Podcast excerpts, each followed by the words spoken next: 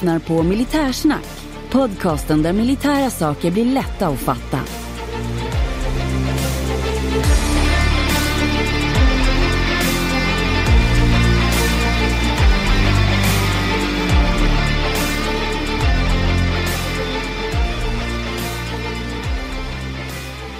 Ja men då är vi här igen och vi är båda två och det är eh, första gången vi är båda två i podden så här på ett bra tag löjtnant. Vad säger du? Även jag är här. Ja, välkommen Ja. tillbaks får jag väl säga lite. Du var ju med på uh, liven i Norrköping men innan dess har du haft en rätt lång ledighet. Ja, för tusan. Vi har ju haft det båda två lite grann till och från. Ja. ja. Jo, men eh, det är det vi ska prata om. Vår fantastiskt roliga, trevliga live med eh, våra herrar från Fredsbaskrarna, eh, Kongo-veteraner och eh, vad var han mer ifrån? Sinaed han var i. Jajamän, och eh, även Afghanistan och eh, framförallt Cypern pratade vi ju väldigt mycket om. Ja, och jag tyckte det var jäkligt roligt att det faktiskt kom en massa folk. Jag var lite rädd ett tag att där får vi sitta ensamma, men så blev det inte. Nej, det, vi hade ju publik, det var trevligt. Och Ja. ett bra forum måste jag säga. Ja, och det var också första gången vi träffades fysiskt. Jajamän, det var det. Mm. Och jag Det var fick kul. Ju, ja, det var kul. Och jag fick ju massa öl med mig hem också. Ja, hur många av dem har du smakat? Eh, många, Det är bra. absolut. Ja. Men vi ska ju också passa på och eh, sträcka ut ett tack till Norrköpings stadsbibliotek för att vi fick komma. Och för att vi fick lite presenter. Ja, precis. Vi fick ju böcker. Ja, Vi fick ju faktiskt tre böcker var. Jajamän, jag fick Eh. en, en bok om en väldigt spännande människa, bland annat eh, Laurie Turney. Du vet vem det är? Jajamän. Ja. Larry Thorne även känd som. Precis. Mannen som tjänstgjorde i många försvarsmakter. Ja. Det får vi kanske återkomma till. Ja, Jag fick ju, vi fick ju tre var. Jag har ju faktiskt mina ligger här och det är eh, anfallskrigens argument, konsten att rättfärdiga våld. Mhm. Eh, och sen är det en bok som heter Palestinas horisont. Den är ju högaktuell, men Ja. den, den är, befinner sig längre bak i tiden. Och sen har jag en bok eh, som heter Svenskar i krig för Danmark 1848-1864. Okej. Mm. Så de där ska vi väl eh, sätta tänderna i, vad det lider. Sätta ögonen i. Mm. Som det så vackert heter. Ja, Ja, hörru du, apropå att jag fick en massa öl. ja, Så hittade jag en favorit där och det är ju trots allt fredag. ja, just det är fredag. Så jag tänkte jag skulle ta och recensera den här ölen. Ja, kör. Jag är nyfiken. Ja, det här, den här har jag ju fått av dig, så du har ju också smakat den. Eh, för en gångs skull. Den här är en, en jädra belgare heter den. Just. Och eh, en jädra anspelar ju på att den är från Jädra Ås bryggeri Just, precis. i, i Gävleborg då. Eh, det är en, eh, en ljus eh, belgisk ale, en trippel. Och den ligger på 9 Mm. Väldigt, väldigt trevlig. En bra svensk take på en belgisk trippel ska jag säga. Mm. Ja, är kul. Det är Ja. Och Systembolaget säger att den har fruktig smak med inslag av torkad frukt, smörkolla, fruktkaka, nötter, pomerans. Och eh, ja, får instämma med det då helt enkelt. Mm. Ja. Kul. Jag har faktiskt inte provat den själv. Jag köpte en sån när jag var i Gävle så att, och den fick du. Ja, vet du att jag fick faktiskt två? Ja, Okej, jag köpte två i Gävle, du fick båda. Ja, så måste det vara. Så måste det vara. Ja, själv har jag inte någon öl att ta upp idag utan jag tänkte slå ett litet slag för en grej som har kommit fram på Systembolagets hemsida som jag har missat hittills. Mhm.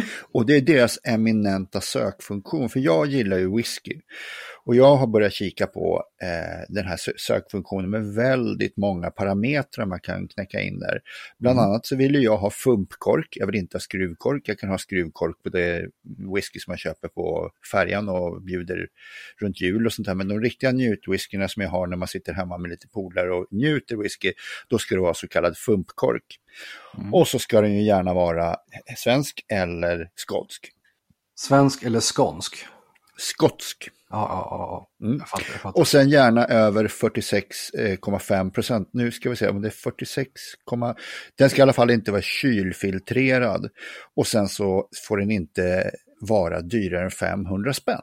Ja, ja då är det, det bra, kan man- bra med, med sökfilter då om man ska vara I- så specifik. Ja, och det roliga är att det går att hitta, kanske inte så många på så höga procent, men sätter du den på 40 så det finns riktigt bra virrar för neråt 370 spänn som är riktigt bra och då pratar vi 70 sar. Mm, mm. Då, och med, med fumpkork då tänker du på att det ska säga fum när man drar ur den. Mm. Ja, knirkfump ska det låta. Ja, ja, jajamän. Det kan jag hålla med om, det är trevligt. Ja, skruvkork är lite trist. Ja, det är ju det. Det är ju på vin också. Man vill ju gärna ha en fumpkork, så att säga. Mm. Ja, Ja, svensk, svensk eller skånsk whisky alltså. skotsk. Ja, fan. Mm. Det vi ska få avnjuta nu är ju ett avsnitt som du har intervjuat eh, två herrar vid namn Johan Lampinen och Karl Ögren som jobbar på FMV, Försvarets materielverk. Jajamän, de har ju då varit med och utvecklat den nya pansarterrängbil 300. Jajamän. Mm. Och den är ju väldigt, väldigt lik den gamla och eh, det, jag testade och la, la ut på vår Facebook att eh, vad har du för minnen av den här och det var ju några stycken som gick i den lilla mjuka fällan då och, och tittade kanske inte så noga för det är ju faktiskt det nya fordonet och inte det gamla som några hävdar att de faktiskt var både åkt och sovit och servat och det har de inte. Precis, och kört och varit i strid och så vidare. Nej, eh, framförallt så misstar man den nog för en XC180. Alltså Mm. en pansarterrängbil 180. Precis. Ska vi skippa vårt snack och lyssna på vad Lampinen och Ögren har att säga? Det tycker jag absolut. Vi ringer Vill- Lampinen och Ögren. Vi ringer. Mother's Day is around the corner. Find the perfect gift for the mom in your life with a stunning piece of jewelry from Blue Nile. From timeless pearls to dazzling gemstones, Blue Nile has something she'll adore. Need it fast? Most items can ship overnight. Plus, enjoy guaranteed free shipping and returns. Don't miss our special Mother's Day deals. Save big on the season's most beautiful trends. For a limited time, get up to 50% off by going to BlueNile.com. That's BlueNile.com. Idag ska vi prata om det nya pansarterrängbil 300. Och för den sakens skull har jag med mig Karl Ögren och Johan Lampinen. Välkomna! Tackar. Tack så mycket. Tack så mycket. Jag tänkte ni skulle få börja presentera er organisation och det kanske du gör Johan? Ja, precis. Nej, men vi, både jag och Carl, vi jobbar ju på en av försvarsmyndigheterna, Försvarets materielverk. Och Mm. Vårt uppdrag är ju att liksom, eh, köpa eller anskaffa materielsystem för primärt Försvarsmakten. Så att vi är ju fristående som myndighet men jobbar väldigt nära Försvarsmakten och eh, sköter liksom anskaffningarna. Mm. När de är väl anskaffade och införda, då hjälper vi till med att eh, vårda, liksom, vidmakthålla eller produktvårda systemen också, de som är i drift. Så vi är ett stöd på det sättet till Försvarsmakten. Mm. Och vilka är ni? Jag låter Karl börja. Ja, eh, ja, jag jobbar som eh, systemingenjör på, eh, på eh, sektionen för pansarterrängbilar eh, på FMV och jag har inte jobbat där superlänge utan jag har faktiskt varit eh, eh, ute i industrin eh, tidigare eh, i eh, tung eh, eh, fordonsindustri. Mm. Eh, och eh, är också eh, fordonsinstruktör i eh, Försvarsmakten och eh, har ett brinnande terrängbilsintresse kan man säga. Mm. Mm. Det är ju alltid kul att bli lite lerig om däcken. Ja, Ja Johan, berätta, vem är du? Nej, men jag är ju då sektionschef för pansarterrängbilssektionen och vi är en del av armémateriel. Och armémateriel ansvarar ju då för all materiel som armén liksom primärt använder i sig. Då. Och eh, vårt ansvarsområde i sektionen där jag och Karl jobbar, vi är ju liksom, jobbar ju med både eh, system som är i drift, alltså pansarterrängbil 180 och även nya då, pansarterrängbil 300 och alla Mm. däremellan liksom, som, som finns i, i Försvarsmakten, både i drift och på gång. Mm. Och den här eh, pansarterrängbil 300 den kom alldeles nu i veckan, veckorna va? Ja, precis. Vi gjorde ju en överlämning till Försvarsmakten den 26 oktober av en så kallad förserie. Den heter ju pansarterrängbil, trupptransport pansarterrängbil 300A om man ska vara helt eh, liksom på, exakt på bokstaven. Så det är en, en förserie som syftar till att snabbt komma in i, i utbildning eh, så mm. att soldaterna kan börja utbilda sig på vagnen. Vi är ju en podd som försöker vara folkbildande så jag tänkte förklara lite kort vad en pansarterrängbil är för någonting. Karl, vill du ta det? Ja, eh, det, om man, eh, vi, vi, har ju en eh, historia med eh, terrängbilar. Det, det, är hjulfordon som tar sig fram eh, bra på väg och eh, i terräng. Och sen så vill vi också ha kanske skydd också. så att vi också kan i det här fallet då en trupptransport flytta infanteri och trupp i ett skyddat skal fram till striden. Mm. Eh, ja. Vad har själva fordonet för historia? Jag vet att jag spelar i War Thunder, där kom en form av trupptransportbil någon gång på 60-talet, 50-talet. Eh, skyddad eh, pansarterrängbil eller? Eh, ja. Vad tänker du på då? Jag kommer inte ihåg vad den hette, vi kan eh. skippa det. Vi kan skippa just den biten där. Jag kan bara säga så här, eh, om vi säger så här, vad har den här fordonstypen för eh, historik? Ja, alltså eh, om man ska dra det andra längst bort så eh, hade vi ju i Försvarsmakten eh, eh någonting som kallades för KP-bil också. Eh, som i princip var, var ett eh, lastbilschassi med eh, karosseri pansar. Eh, just också för att skydda trupptransporten. Och de hade ju också det fanns ju SKP och Scania eh, karosseri, pansar, bil och sen så fanns det VKP då som var Volvo-chassi med Volvo-drivlina och så vidare. Eh, och de användes ju bland annat i Kongo eh, och man insåg då också att de hade inget tak på den. och då kunde ju folk kasta in granater och annat elände i, i vagnen. Så att då fick de tak efterhand och hade väl ingen större bestyckning och kunde försvara sig själv annat än eh, kulspruta. Då. Mm, det var alltså ett framkörningsskydd till strid för soldater då? Ja, men precis. Eh, eh, och det var inte jättebra i terrängen heller egentligen, just för att det var ju egentligen ett vanligt lastbilschassi och den blev tung. Mm. Eh, sen så eh, eh, den här finska leverantören Patria eh, hade ju någonting eh, som eh, de hette Sisu tidigare. började ju utveckla på uppdrag då av finska försvarsmakten terrängbilar, pansarterrängbilar. Mm. Och sen fanns det även konkurrenter så var det lite olika koncept som de var. Ett var ju med ett traktorchassi och det var från Valtra Valmet, Valtra tror jag, nej, ja, det, som i princip byggde på en skogsmaskin. Mm. Eh, men sen så var det då Sisu som, som fick det här kontraktet och det var ju det som blev eh, pansarterrängbil 180 eller PASI. Eh, Sisu PASI som den hette. Okay. Mm. Och de eh, skaffade ju också eh, Försvarsmakten eh, eh, i tidigt skede. Eh, och eh, sen så har det utvecklats vidare då. man insåg att ja, men det är ett ganska bra koncept med just eh, pansarterrängbil. I relation då till stridsfordon mm. eller bandfordon. vi har ju till exempel en historik av pansarbandvagnar i, i, i Sverige. och då är det då bandgående. Och de är ju sjukt bra i terrängen. Eh, men eh, PBVn var ju också väldigt eh, tung då förhållandevis. Eh, mm. Men då är det så här att ja, men om man vill ha olika typer av rörlighet. Eh, så att eh, då är det ju så att pansarterrängbilar tar sig fram väldigt bra på väg och kan åka som en mm. i princip i en lastbils hastighet och kan också då framrycka tillsammans med trossfunktioner och sådana saker, lastbilar. Så du får ju högre marschhastigheter och du kan flytta förband eh, på eh, längre avstånd och du får en annan operationsradie. Mm. Eh, så att eh, då har man ju haft eh, eh, sett då nyttan med just pansarterrängbilar som ett komplement kan man säga till bandgående fordon. tar man till exempel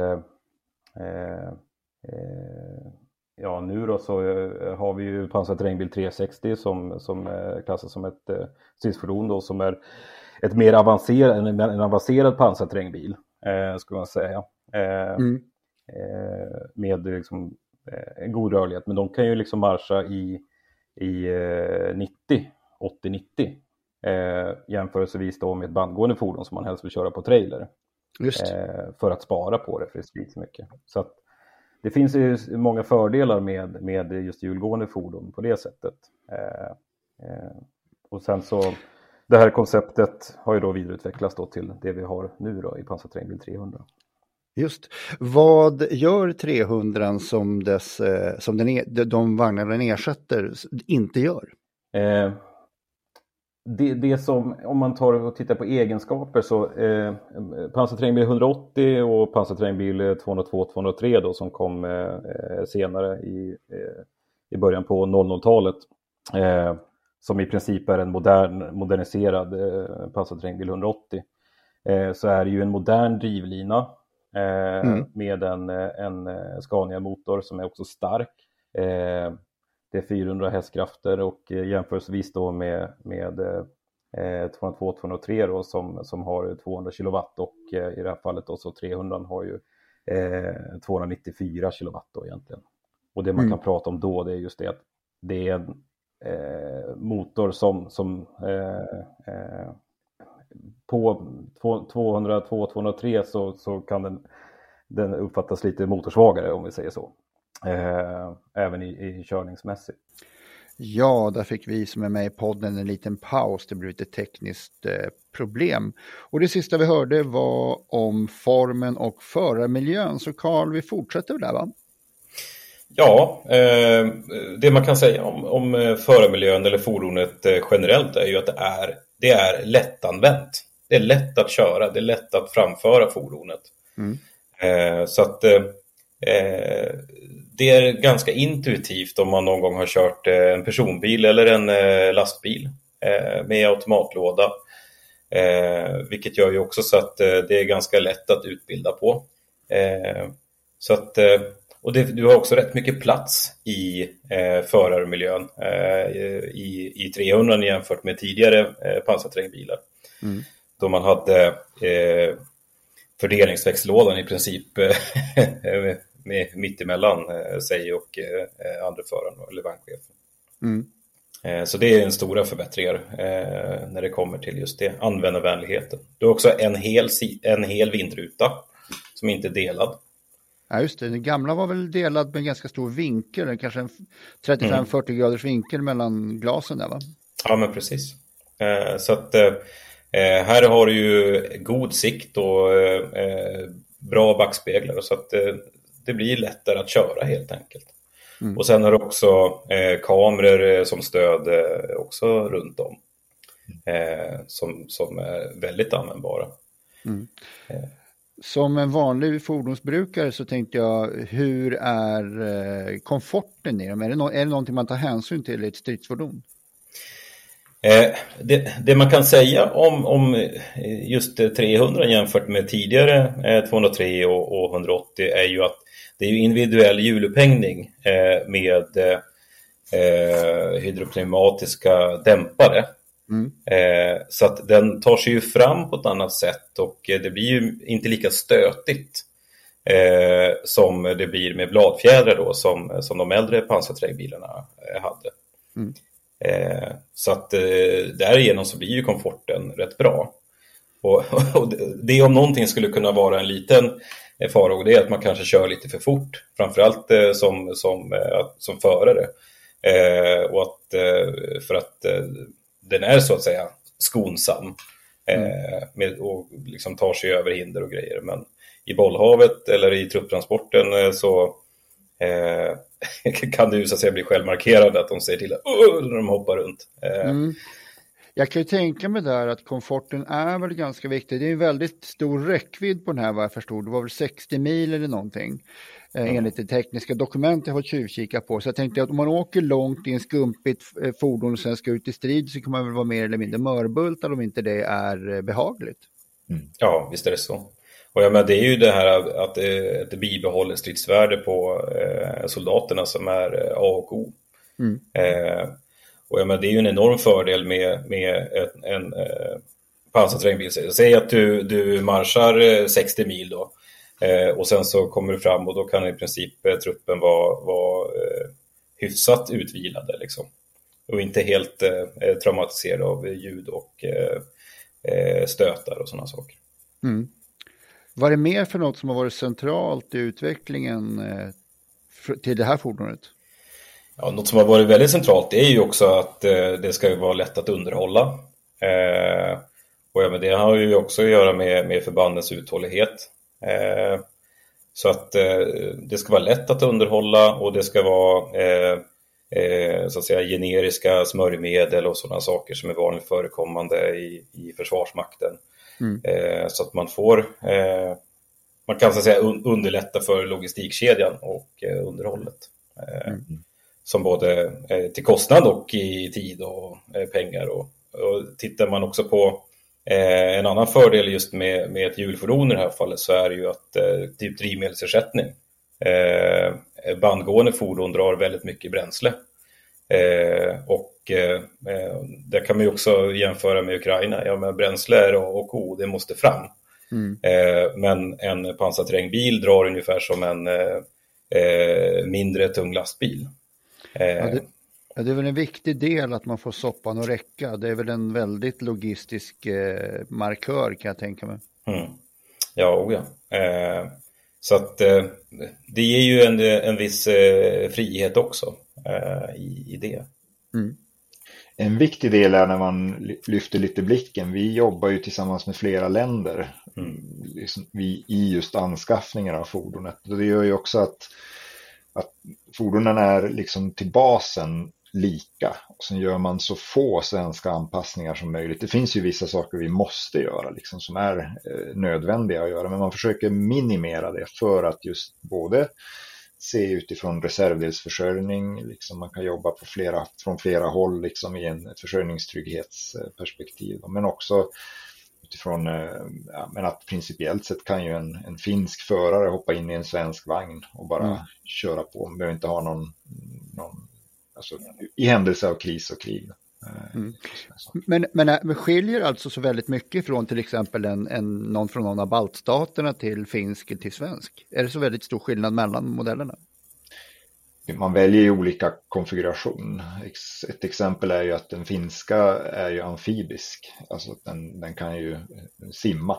Medan den svenska varianten har man istället valt att kunna lasta mer, att nyttja den delen som har varit pontoner och eh, sådant i, i den finska varianten till, till att stuva in eh, prylar helt enkelt istället. Och, kunna, mm.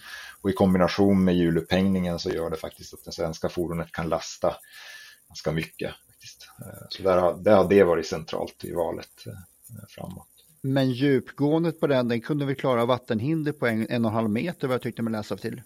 Ja, det stämmer. Ja. Vad kunde de tidigare? Oj, det har jag inte i huvudet. Eh. då, då, tar jag bort den frågan. mm.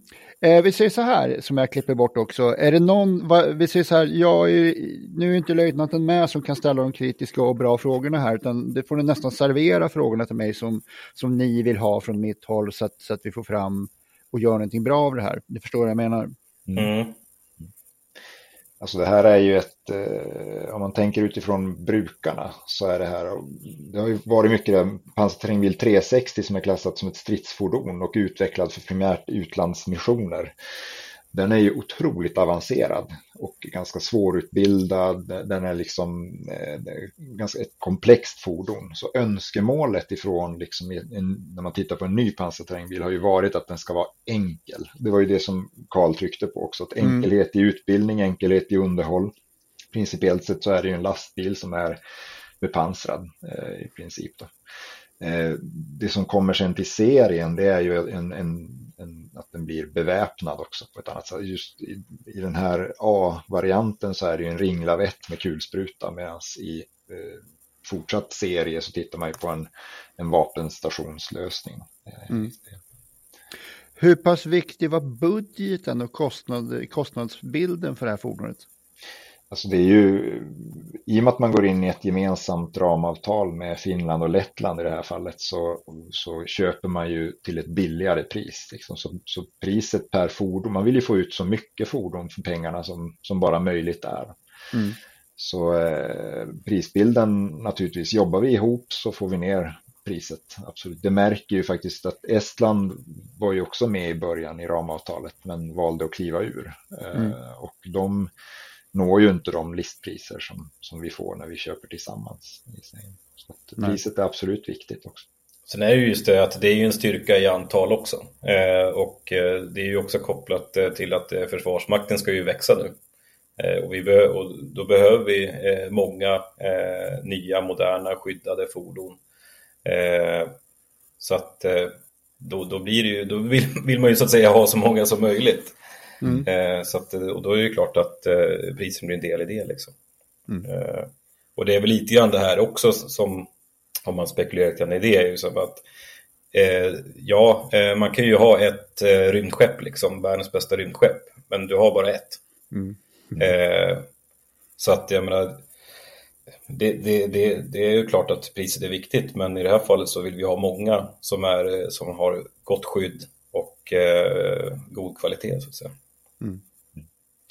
Eh, jag måste fråga, har man kikat under den här utvecklingsperioden som har varit, har man eh, i och med att kriget i Ukraina är en relativt ny eh, företeelse, en ny händelse, så har det förändrat bilden på hur man, vad man tittar på när man anskaffar ett fordon?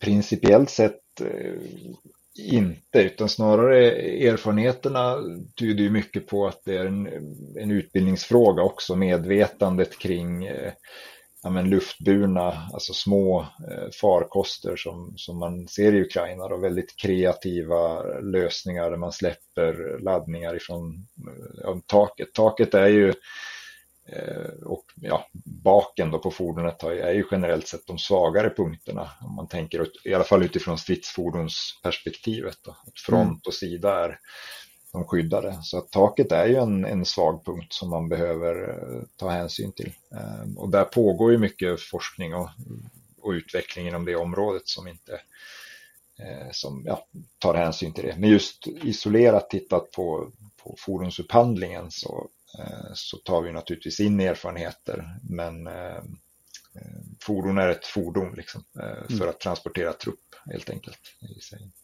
På ett säkert sätt. There's never been a faster or easier way to start your weight loss journey than with PlushCare. PlushCare accepts most insurance plans and gives you online access to board-certified physicians who can prescribe FDA-approved weight loss medications like Wigovi and Zepbound for those who qualify. Take charge of your health and speak with a board-certified physician about a weight loss plan that's right for you. Get started today at plushcare.com slash weight loss. That's plushcare.com slash weight loss plushcare.com slash weight loss. Everyone knows therapy is great for solving problems, but getting therapy has its own problems too, like finding the right therapist, fitting into their schedule, and of course, the cost. Well, BetterHelp can solve those problems. It's totally online and built around your schedule. It's surprisingly affordable too. Connect with a credentialed therapist by phone, video, or online chat, all from the comfort of your home. Visit betterhelp.com to learn more and save 10% on your first month. That's BetterHelp, H-E-L-P. Men det är väl också vikten av eh, skydd också. Eh, och jag menar i Ukraina så är det ju mycket indirekt eld, eh, granatsplitter och, och elände som, som flyger i luften. Eh, så att eh, det är kanske inte helt okej okay att vi skickar iväg eh, soldaterna så att säga i skynka bilar och med galondörrar. Liksom.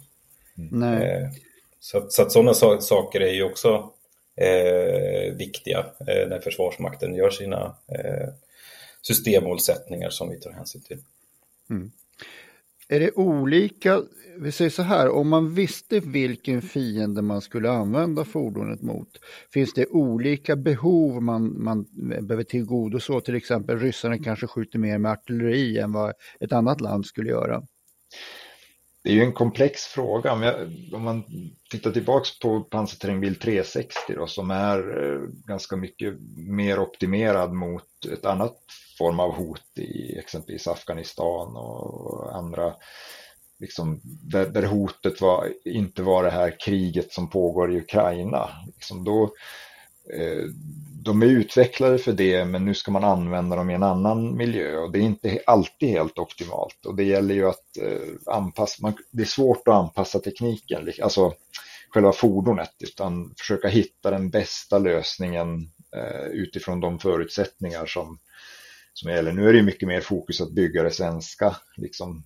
försvaret igen primärt och, och kopplat mycket till NATO-medlemskap och de krav som NATO ställer på Sverige. Så alltså, då är ju fordonen optimerade mer för, för de här behoven. i sig. Sen att de kanske kommer att användas liksom på Jag har själv varit i, i Kosovo eh, på utlandsmission och använt fordonen och, och fått dem, ett fordon utbränt också liksom i kravallsituationer och så, så att jag är med, medveten om ja, hur de kan användas rent i skarpa lägen också, vad de klarar av. Mm. Som sagt, jag sitter med lite kort på hand med information. Jag har lite svårt att ställa frågor. Jag tänkte att ni får gärna leda mig lite där så att jag ställer relevanta frågor och det som ni tycker att ni vill svara på för att uh, göra fordonet så bra och rättvisa som möjligt. Ja.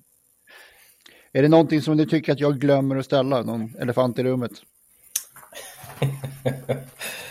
Så elefanter. Eh, nej, men eh, det man väl kan säga är väl egentligen att det här är ju en eh, trupptransport eh, eh, pansarterrängbil. Eh, och jag menar, det är ju, det är ju för, för infanteri. Så att det, farliga, det farligaste egentligen sitter ju i vagnen. Eh, och jag menar, och där om vi, om vi skulle ta det här som du, om pratar om, finns det erfarenheter kopplat till Ukraina så är det ju att PV-system, eh, pansarvärnssystem är ju eh, otroligt effektivt. Mm. Och också då om man pratar om liksom, lättrörligt infanteri i det här fallet, liksom, ja, men slå med, med olika pansarvärnssystem är ju väldigt kraftfullt. Så att jag menar, det blir ju det är väldigt mycket som händer eh, som just nu och Försvarsmakten anskaffar otroligt mycket eller vi anskaffar från FMV väldigt mycket material till Försvarsmakten då som de eh, vill ha. Jag menar, det är ju allt från PV-robotar till, eh, eh, till eh, handeldvapensystem och eh, nu till pansarterrängbilar och nya uniformsystem. Så det händer ju massor. Så att det är ju inte bara ett enskilt system i det här utan det är ju liksom en enorm utveckling som nu sker eh, väldigt snabbt. Mm. Vad ser ni själva som nästa steg för att en Bertil, vad, vad, vad kan den komma att ha? I, i Bertil-versionen så tittar man ju mycket mer på eh, liksom, att ha en annan beväpning, eh, att man har en eh, liksom, mer kvalificerad beväpning på fordonet i, i sig. Och sen i övrigt så kommer den ju vara liksom anpassad utifrån sambandssystem på ett annat sätt för att vara en, vikt, en del i en helhet. Och dessutom kommer det att komma i olika varianter, liksom ledning och sjukvård.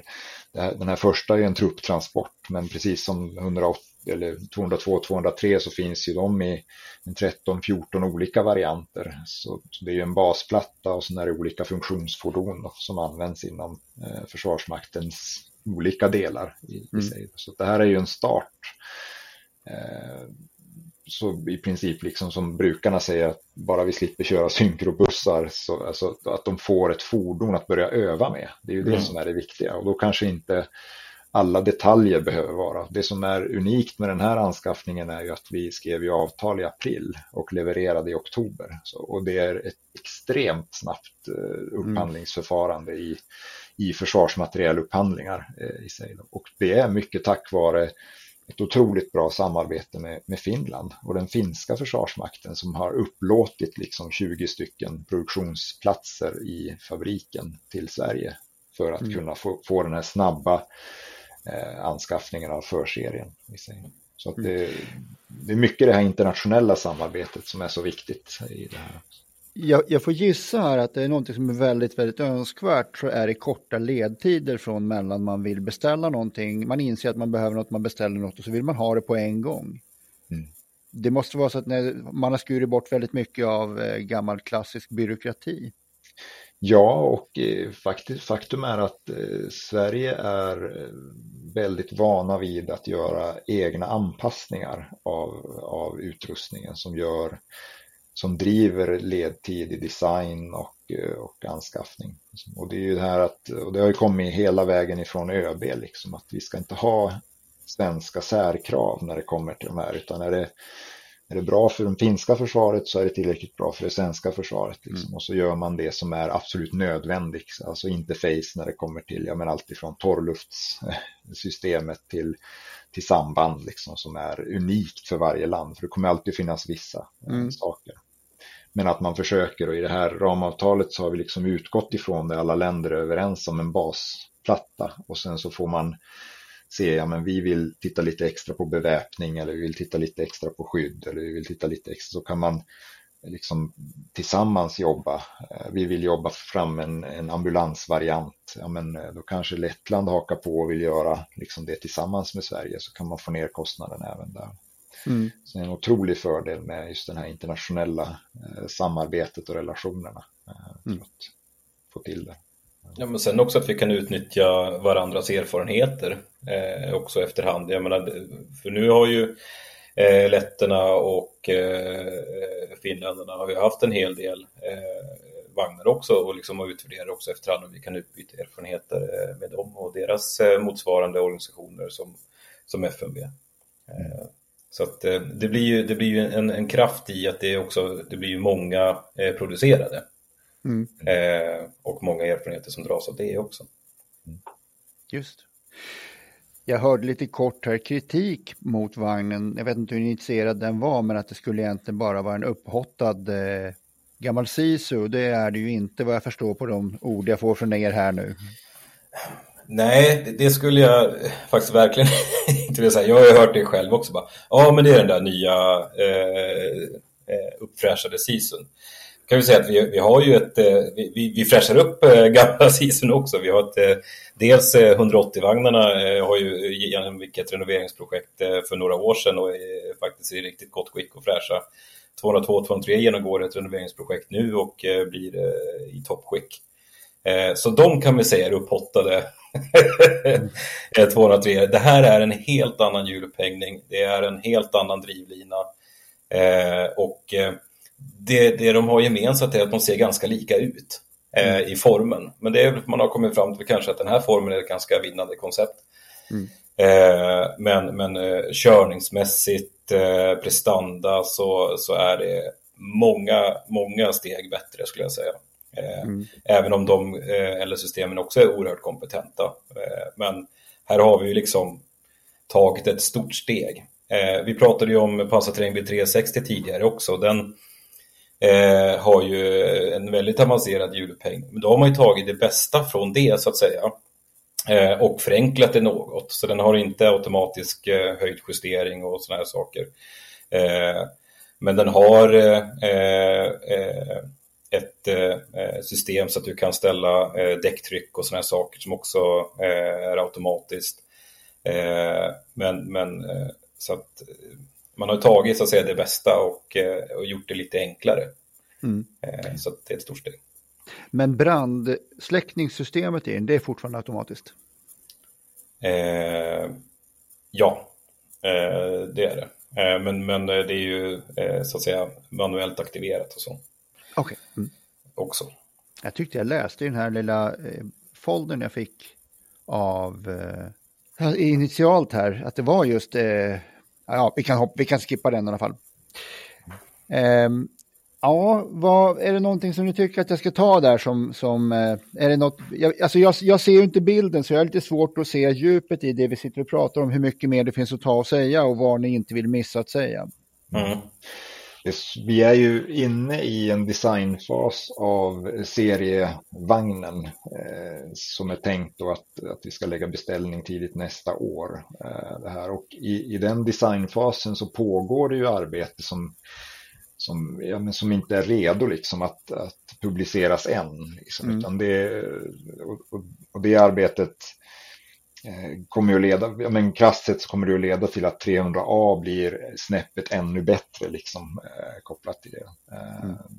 Och eh, ännu mer användbar i sig. Plus det här med att du också tittar på andra funktionsfordon, eh, men med samma basplatta.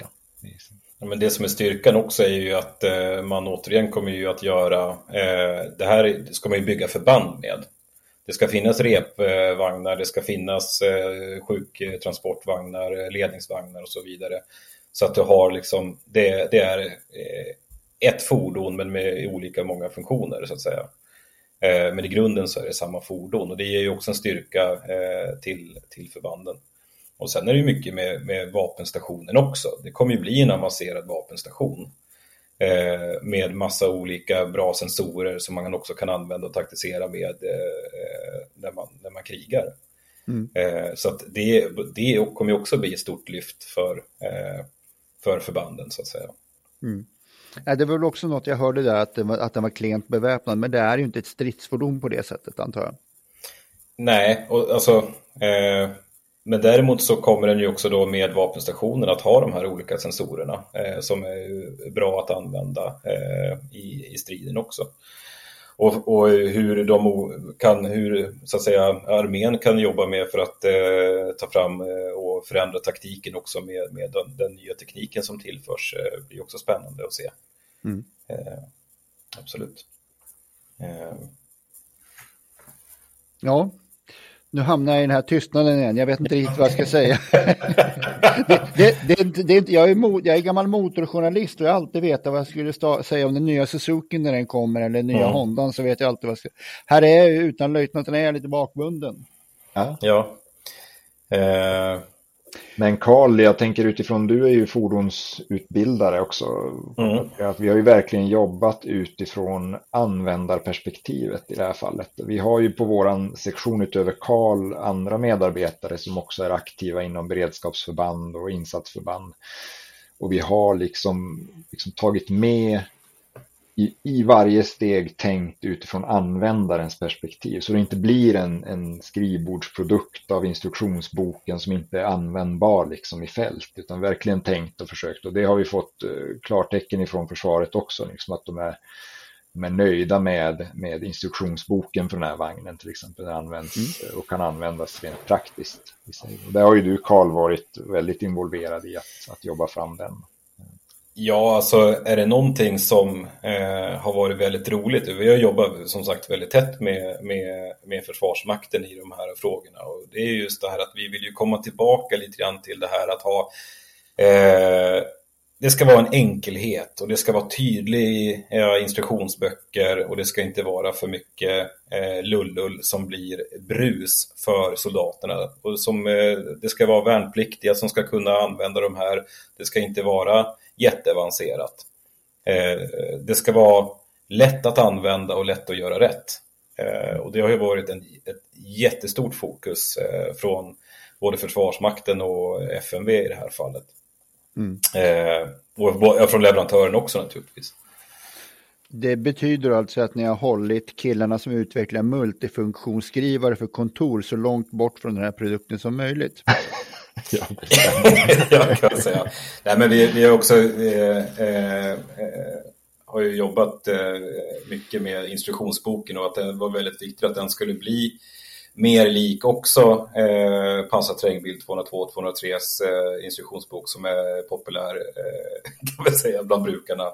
Mm. Eh, och lite grann komma tillbaka till, ja, får man säga KISS då, Keep It Simple Soldier. Liksom. Mm. Det, det, det, ska vara eh, brukarvänligt. För i förlängningen så är det så här att i många fall med teknikutveckling så har vi gått ifrån det här med med, med eh, ett eh, human eh, human interface som, mm. som är lättbegripligt och lättfattligt och intuitivt.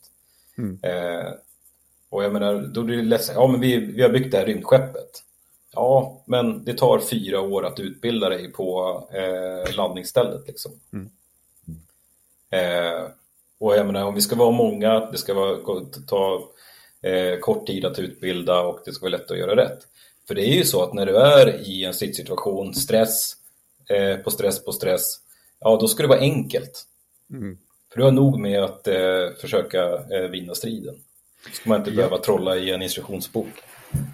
Det förstärks ju verkligen ifrån erfarenheterna från Ukraina också där enkelhet är liksom väldigt tydlig liksom, röd tråd i det mesta. Liksom. Kreativitet, enkelhet liksom, för, att, för att vinna striden.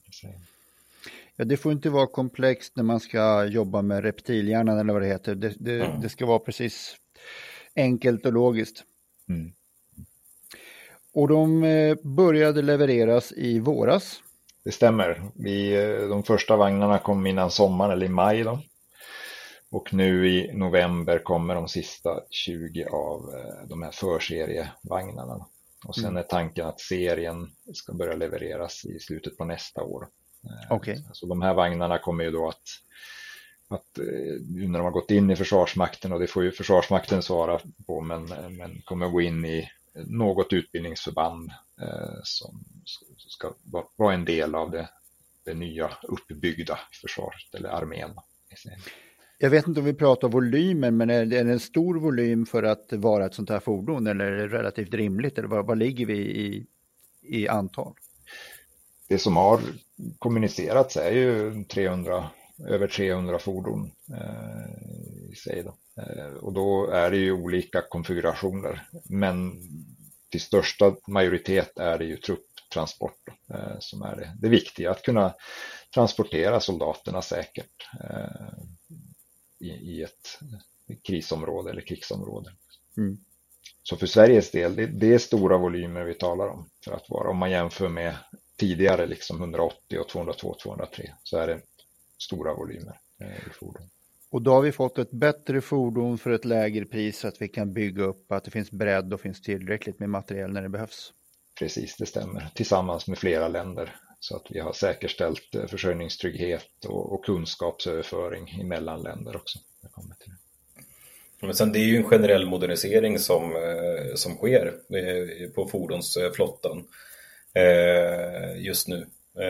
Jag menar, jag håller på att utbilda på terrängbil 20 nu liksom och den har ju några år på nacken kan man ju säga. Och det här är ju liksom, om man, om man jämför så är ju, det är en fantastisk terrängbil. Den, den är hur bra som helst i terrängen. Men det är en liksom 50 år gammal bil eh, som, som börjar bli väldigt eh, gammal och sliten och det, det, du har inget skydd och den är, den är jobbig att underhålla och de går sönder. Mm. Eh, så att jag menar, det här är ju ett jättelyft och det ingjuter ju också en lite positiv energi kan man ju säga i, också i, i förbanden och det vi pratar om dem också. Då är alltså den här 20 som du pratar om den diametrala motsatsen med ganska så hög inlärningströskel, lågt skydd och dålig tillförlitlighet. Ja, jag skulle inte säga att den har en eh, eh, inlärningströskeln är ganska låg på en 20-bil. Mm. men men, men eh, du har ju inget skydd. Eh, eh, men den är, och den är väldigt bra i, i terrängen. Så. Mm. Eh, men vi behöver ju ny materiel. Och ny materiel är på gång. Ja, det händer grejer. Äntligen! Äntligen. Jag, jag, måste ta lite udden av, eller ska jag säga, jag måste, jag måste stjäla lite av fascinationen här. Så kanske jag är något mer fascinerad över att vi har dragit ner på den byråkratiska tiden så att det går fort att få fram mm. vagnar. Det har imponerat mig mest, mer i det här samtalet än vad fordonet i sig har, men det är kanske för att min eh, militära insyn i produkten kanske är lite för låg ändå. Vi har ju alltså i, eh, om man tänker inom själva projektet och så har vi ju jobbat för ett otroligt tajt samarbete. Dels naturligtvis Försvarsmakten, Försvarets materielverk, men också Försvars eller FMV och leverantören Patria. Eh, och vi har jobbat för att komma varandra väldigt nära och kunna ha en transparens och att kunna lösa problem på ett väldigt eh, snabbt och, och pragmatiskt sätt så att vi kommer framåt. Så att det har varit ett, och är fortsatt naturligtvis ett väldigt bra eh, samarbete där Patria i sig också behöver ju naturligtvis, vi är ju inte de enda som beställer fordon liksom av dem, så de har ju också tvingats Eh, utöka väldigt mycket i sig i sin verksamhet. Men det tycker jag att de ändå har löst på ett, på ett bra sätt trots de utmaningar de har stått inför. Mm.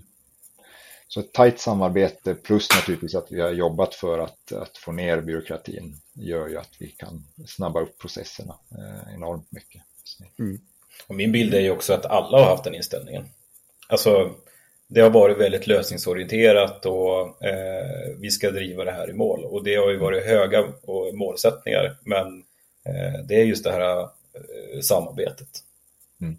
och viljan som, som är jättepositiv. Mm. Är det något vi, vi ska ta upp innan vi drar för mycket på tid? Är det något vi har osagt? Ja, jag vet inte. Jag tycker inte det. Vi har ju börjat med alltså, att internationella samarbetet. Vi har ett, ett avsevärt mycket mer modernare fordon, även om den ser likadan ut som 202 och 203. Mm. Eh, som, som vi har, som vi, de flesta som har varit på utlandsmission i Bosnien, Kosovo känner till mycket väl liksom, mm. och har använt eh, väldigt ofta. Jag såg någon bild på en, en Facebookgrupp om när de hade satt upp en bild på nya 300. Ja, men den där känner man igen. Liksom. Den där har man ju mm. jobbat med. Ja, men det har du faktiskt inte, tänkte jag i mitt lilla sinne.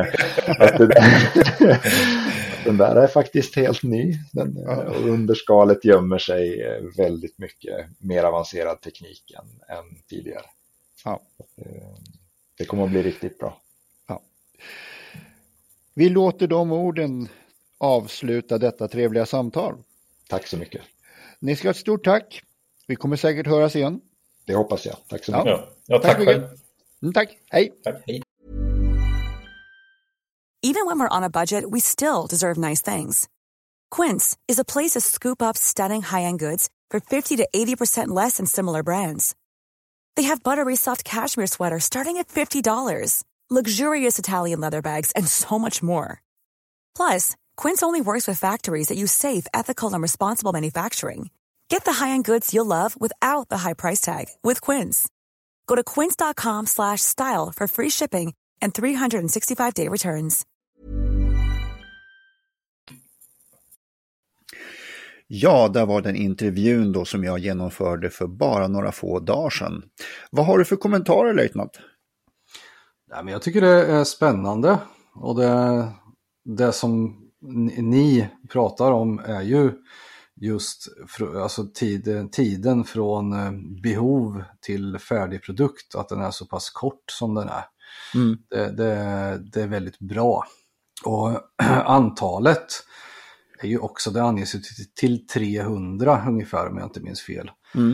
Eh, det kan man tycka att det låter ganska lite, men med svenska mått så är det en hel del fordon. Ja. Och det är funktionsfordon såväl som eh, eh, trupptransport, då, men framförallt trupptransportfordon. Eh, och att det är användarvänligt, ganska oavancerat tekniskt och en bra instruktionsbok. Det är väl precis vad man behöver ha då. Ja, precis. Men det, får ju, det vet ju du allt om att saker och ting får inte vara krångligt när det skorpar till sig så att man måste börja, liksom, man måste använda rygg.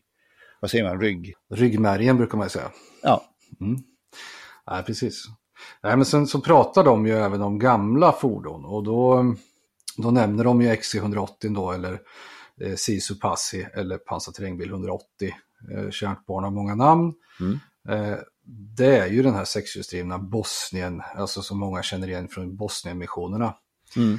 Eh, den hängde ju med ett tag och sen så försvann den liksom. Eh, den, den syntes inte till. Eh, det man gjorde var att man modifierade ja, man tog inte dem och modifierade då, utan man gjorde en variant som hette 203. Han benämner den 202 203. Mm. Um, där man egentligen, grovt förenklat, kan man säga att man tittade på den här pansarterrängbil 180 och sen så tittar man vad behöver vi ha mer för internationell tjänst? Hur kan vi göra den här bättre? Och 203 när den kom då, det var ju den förbättrade eh, versionen inom situationstecken. Jag har inte jättemycket till övers för 203 men, nej, men man eh, la till lite extra pansar, man tittar på sådana saker som soldaterna ville ha. De ville ha en stereo att lyssna på, de ville ha flaggstångsbelysning, hur konstigt det än låter. Men man ville kunna belysa sin FN-flagga eller svenska flagga när man var nere i Kosovo och så vidare. Ja, ja, ja. Eh, och sådana förbättringar gjorde man. Så att eh, men grundkonstruktionen är ungefär samma. Eh, vilket gjorde att den här vart ju tyngre och lite klumpigare då. Mm. När man, if it ain't broke don't fix it. Jag ska inte snacka skit om 203. Den, den, har, den, har, den har gjort mycket. Men man satte även på en, en vapenhuv. Och då tog man vapenhuvud från PBV 302 med 20 mm automatkanon och satte i den här. Då. Mm. Men det ökar väl trivseln lite? Ja, problemet var att man satte den mitt på den här Finlandsfärjan. Eh, centralt. Så att eh, det gör ju att ska du skjuta runt ett hörn behöver du exponera ganska mycket av vagnen. Och det, det ställer till det lite med dumpningsvinklar och sånt där. Då. Du kan ju inte skjuta allt för nära vagnen. Ja, just det. Men den var ju fantastiskt bra på det den skulle göra. Det vill säga transportera trupp, framförallt kanske då i internationell tjänst. Ehm, och, och har väldigt bra, bra ekonomi, bra framryckningshastighet eh, på väg, grusväg. Eh, viss terrängframkomlighet och sen hade den ju en beväpning, men väldigt bra minskydd. Mm. Och sen pratar de ju om pansarterrängbil 360 eh, som ett stridsfordon. Och den kategoriserar ju in där. Eh, problemet med 360 nämner de ju också att den är ju väldigt tekniskt avancerad. Eh, och den är ju enormt bra. Men jag tycker nog att det ska sitta en kanon på den om det ska vara ett stridsfordon. I alla fall. Det, det bestyr, styr ju lite användningsområdet så att säga. Mm, mm. Eh, Ukrainarna har ju haft ganska bra användning av sina BTR 4 som har en automatkanon. Det är ju en pansarterrängbil då. Så att eh, en automatkanon på 360 är eh, ett, ett, önskemål. Mm, mm. Så kan man börja kalla det för stridsfordon på riktigt då. Just. Och sen 300 är det senaste tillskottet här då som efterliknar 180 och 203, 202. Men med komponenter eller tankidéer från 360 med individuell hjulupphängning och sånt där. Så att, eh, men eh, ja, det återstår ju att se lite grann hur den här ska användas. Det känns ju lite mer som att pansarterrängbil 300, om vi ska raljeras, är mer mer, han, han, de nämner ju själva en lastbil liksom. Eh, jag tänker väl närmast på en terrängbil 20 liksom, fast med skydd. Och eh, ja, lite mer enklare. Och det är, kan ju vara bra det med. Men hur mm. det ska användas, det kan inte jag svara på. Men, men eh, absolut, förband som eh, behöver hög rörlighet, bra skydd, som kanske inte direkt slåss från och med sina fordon utan primärt åker i dem. Eh, och då pratar vi ju infanteri och vi pratar försvarsstrid, fördröjningsstrid. Mm. Mm. Så att, eh, ja men eh, intressant. Ja, du nämnde här vad den ska användas till och då måste jag ställa frågan, vad skulle du? Var skulle du vilja köra pansarterrängbil 300 och hur? Ja, men jag, jag, jag svarar på en annan fråga eh, inom, inom ramen. Jag skulle, jag skulle Eh, nu ska ju 300 få en beväpning och då pratar man ju om någon form av vapenstation. Och då gissar jag att det blir en, en, en KSP 58 eller en 12,7 mm tung kulspruta. Eh, och det kanske är fair enough. Men vad skulle jag? Jag skulle sätta på en 30 mm automatkanon på pansarterrängbil 360 så att det blir ett värdigt stridsfordon. Okej, okay, okej. Okay. Mm. Och vad skulle du koppla till avsnittet? Ja, jag skulle ta en pansarterrängbil 300 och så skulle jag montera en större stereo i den och så skulle jag spela Eddie Medusa och så ska jag köra med den på en cruising. Mm. En raggar-cruising. Mm, mm. Jag skulle utan tvivel ha det tyngsta fordonet på den cruisingen. Sannolikt. Nog för att de här Cadillacarna, de, de väger ju mycket. Så att, eh, men eh, ja, sannolikt ja. Det blir ju lite sådär, du får nog köra med öppna luckor då. För att eh, det är ganska tjockt pansar och sådär. Men det kanske blir en bra baslåda och riktigt bra, riktigt bra flås ur, ur luckorna så att säga. Jaha Börje, har du laddat KSPn? Var har du 762? Och då vet ju alla att den är i handskfacket. Bakom, ja, där som bak. under starkölen. Jajamensan. ja. Så att, eh, ja, det hade säkert blivit jättepoppis, framförallt i, i Västergötland och Dalsland, delar av Värmland och eller glesbygd överlag. Mm. Ja, men det är kultur. Cruising är kul. Det är kultur. Ja, en annan kär gammal programpunkt som vi har är ju dagens mm. datum i historien. Ja, just. Och där har jag ju lite granna, det är ju då den 17 november och tittar vi då på 1810 så händer det där att Napoleon den första tvingas Sverige att förklara Storbritannien krig. Detta eftersom att Sverige och Storbritannien egentligen står på samma sida och där så söker svenskarna under detta krig, kallat Sveriges krig mot Storbritannien, att så lite som möjligt försämra förhållandet till Storbritannien, för det vill man hålla gott. Mm. Sen har vi 1869 så öppnas Suezkanalen. Det är kanske inte så mycket militärsnack men det är ändå en ganska viktig händelse. Det är det. Mm. Och sen har vi då, vi börjar närma oss ett av mina favoritstycken i historien här och det är 1941. Den 17 november så varnar USAs ambassadör i Japan genom att sända ett meddelande till Washington DC att Japan planerar att anfalla Pearl Harbor på Hawaii. Detta telegram ignoreras. Mm, man lyssnar inte på det här riktigt där. Jag tror att det fick någon inverkan på historien att de sket i det. Absolut inte. Nej. Det hamnade i spamkorgen. Så är det.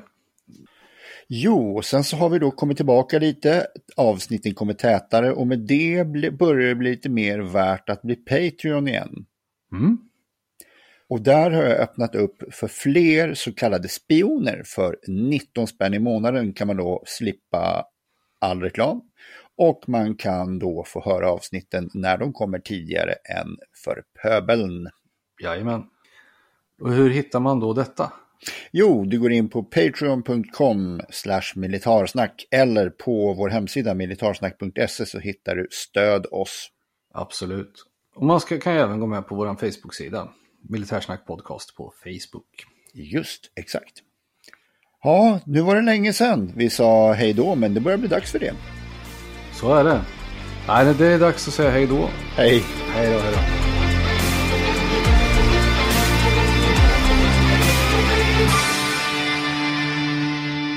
Glöm inte att gilla, dela och gärna prata om vår podd med de vänner du tror skulle gilla den. Tack! Henning, eh, du får väl återgå till ditt sökande efter eh, svensk eller skånsk whisky. Oh, fan.